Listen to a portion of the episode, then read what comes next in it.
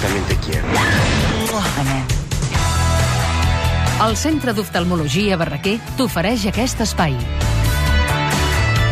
Quines pel·lis veiem? Bé, abans de les pel·lis, només una pinzellada, una mica de mariachi. I és que molt Manuel Esperón, que és l'autor de Jalisco no te rajes, Los tres caballeros, i 900 cançons clàssiques, 99 anys tenia el senyor. Jalisco. Imagina't, sí, sí, Pedro Infante, Jorge Negrete, Lucha Reyes, en fi, de tot, no? Però bàsicament perquè mariachis, un cel·lista, moltes actrius, una excel·lent ah! autòrica, Angélica Lidl, i una obra que es diu La casa de la fuerza. Jo ho he vist. No ho he vist encara, però com que només es representa una vegada, mm. aquest dissabte a les 8 del vespre, i sé que està molt bé al Teatre Lliure, a la Sala Gran, doncs ja ho recomano, perquè sé que és garantia total, Home, no? amb una Angèlica Lidl que, a més a més, fa de Lucha Reyes Sí. en un moment Veus? determinat brutal. Jo Veus? vaig veure la setmana passada, el cap de setmana passat a Lisboa, i vaig No, i sí que flipar viatges, en eh? colors. La cosa ve d'Avinyó, i per cert, Sí, que són senyor. 5 hores gairebé, i això són 5 hores el dissabte, i el diumenge em vaig a veure el Parsifal al Liceu, que comença a les 5 de la tarda, Ostres. i dura 5 hores més, també, perquè també està molt bé. Gorina, que Sí, vas amb la maleta, no? cap de setmana explosiu, El en fi. Gorina, quan se'n va al cine o al teatre, se'n va amb la Ja la maleta. veiem, ja, parlant de ballar, parlant de ballar. Ja, Parsifal també la veuré, eh? Parsifal. Sí, també, també ens trobarem allà. No, diumenge no, jo arribo No? una hora Ah, tard. val, Sempre que doncs sí. comencen a les 7 arribo una hora tard.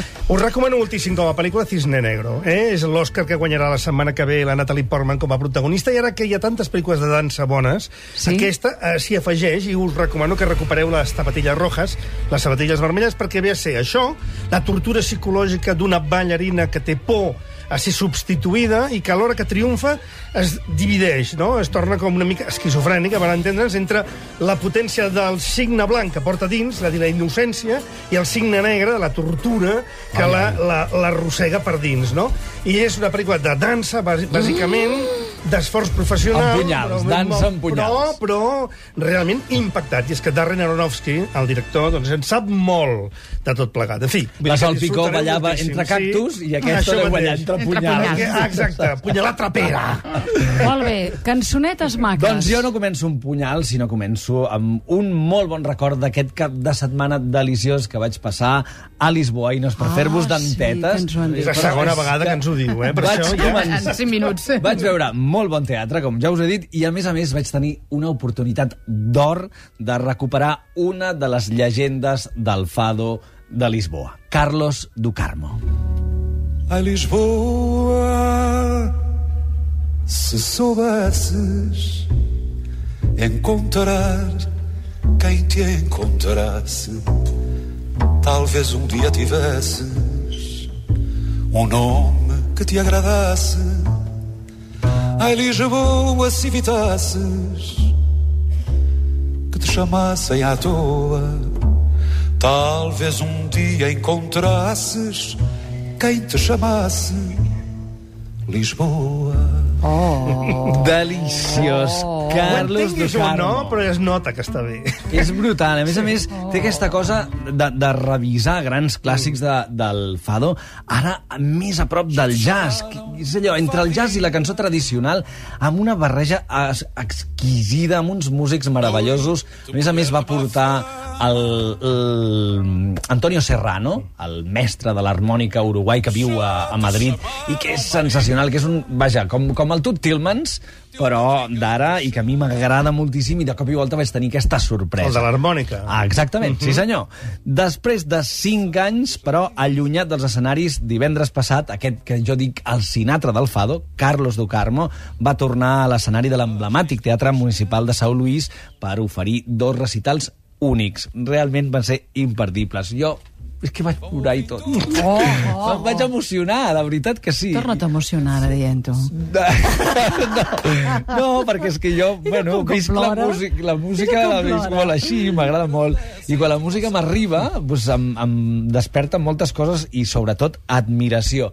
Admiració per la gent que fa música amb el cor i les entranyes. I aquest cas és el cas del mestre del Fado, aquest Carlos Ducarmo, que jo us recomano, recupereu en aquest disc, el Carlos Ducarmo Fado Maestro, que és una recopilació de grans èxits d'ell, amb, a més a més, doncs, alguna cosa en directe d'ara, actual, i aquests 48 anys de carrera sensacionals, amb un vídeo de 63 minuts sobre la seva vida, un concert, etc etc. Vaja. No, jo, jo estic molt d'acord. Més, jo penso que el fado és curiós, eh? És un, és un dels poquíssims gèneres que la veterania encara es manté com un avantatge. És a dir, no, no. eh? Vull dir que I a no... més a més que ell ha fet una molt bona feina per evolucionar, per barrejar-lo amb altres eh, tipus de música, altres gèneres, i vaja, és un senyor a, a, a, que tothom es treu el barret, sobretot per la seva elegància i la seva tasca d'anys i anys. És un senyor que els seus pares ja eren, que la seva mare era una de les grans cantants de fado de l'època de l'Amàlia, etc etc. no?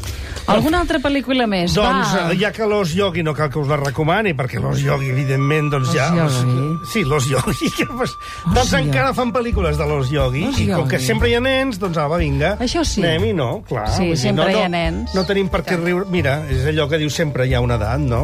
Sí. Hi ha una altra pel·lícula que s'estrena aquest cap de setmana a banda de Cisne Negro que us recomano, que és Sin Retorno. A mi, a mi no és que m'agradi moltíssim, però jo entenc precisament que hi ha molta gent per qui pot ser una bona experiència cinematogràfica. És un debut d'un director argentí nou que es diu Miguel Cohen, surt a Leonardo Sbaraglia, i és la típica pel·lícula que explica eh, un accident com el de muerte d'un ciclista del Bardem, en el que es produeixen molts factors que coincideixen. No? Si no hagués passat per aquí, si hagués sortit de casa 10 minuts abans, si la...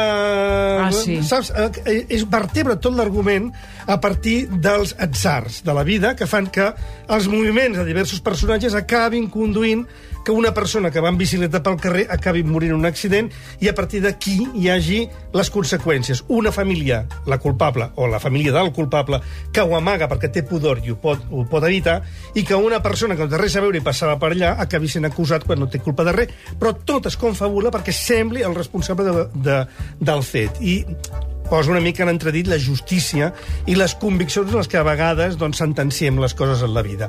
Per tant, jo crec que és un material noble com per fer una sèrie de reflexions. Si a mi la pel·lícula no m'ha acabat de convèncer, no té més importància. Jo us la recomano i us la ofereixo com un film que ens ensenya millor com és la vida en realitat.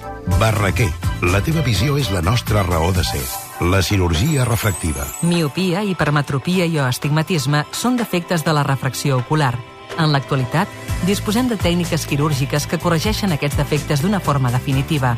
Podem operar amb làser les miopies menors de 10 i les hipermetropies i astigmatismes de fins a 5. En d'altres casos, està indicat implantar una lent intraocular, LIO. Unitat de cirurgia refractiva. Centre d'oftalmologia Barraquer. www.barraquer.com Amb un diagnòstic precoç i som a temps.